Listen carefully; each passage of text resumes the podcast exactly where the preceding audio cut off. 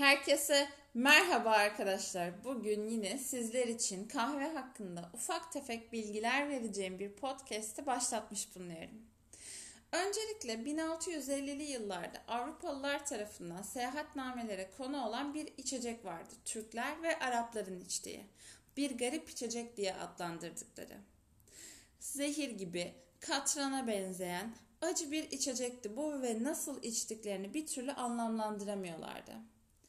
1700'lere doğru yaklaşıldığında egzotik meyveler, kahve, kakao gibi biraz popülerlik kazandıkça Avrupalıların da ilgisini çekti. Özellikle üst tabaka aristokratların.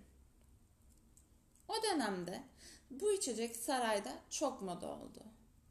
Bu içecek için Çin'den özel Çin porselenleri yaptırdılar, özel odalar yaptırdılar. Bu içecek adeta aristokratların, üst seviye insanların bir e, şıklık, bir zarafet göstergesi haline gelmişti. Tabi böyle olunca 17. 18. yüzyıllarda tıpla uğraşan bilim insanları bu içeceğin insan vücudunda neler yarattığını araştırmaya başladı. Ve baktılar ki karaciğer ve safra kesesini kuvvetlendiriyor, iştah açtığı gibi iştah kesebiliyor, uyku getirdiği gibi uyku kaçırabiliyor. Kısacası adeta her derde deva bir içecekti bu. Tabii ki aristokratlar da bunu öğrendikçe bu içecek iyice bir popülerlik kazandı.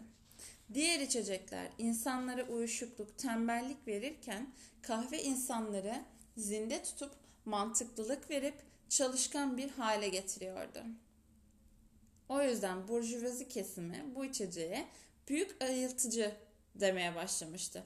Düşünün bir garip içecekten büyük ayıltıcı içecek haline gelmiş. Neyse arkadaşlar.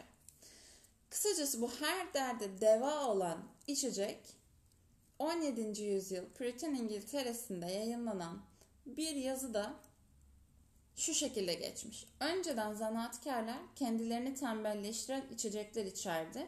O yüzden doğru dürüst çalışamazlardı. Ama artık onlar da kendilerini dinç tutan bu içeceğe alıştı demişler arkadaşlar. Ee, bunları not almıştım unutmamak için. Yine 16. yüzyıl son, sonlarında bir hekim tarafından Orta Doğu gezilirken 1582'de e, yazdığı Şark diyarlarına seyahat eserinde de ilk defa kahveden söz etmiş. Bu içecek zaman içerisinde halkın aydınlığını sağlayan içecek haline gelip halkı aydınlatan içecek olarak adlandırılmış arkadaşlar.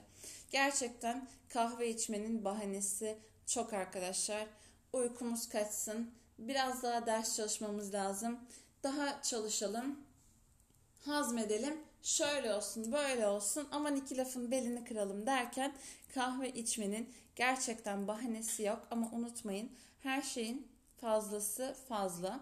Kahve içmek vücuda insan sağlığına çok yararlı ama bunun da bir sınırı var. Unutmayın lütfen. Bol keyifli günler diliyorum size. Görüşmek üzere.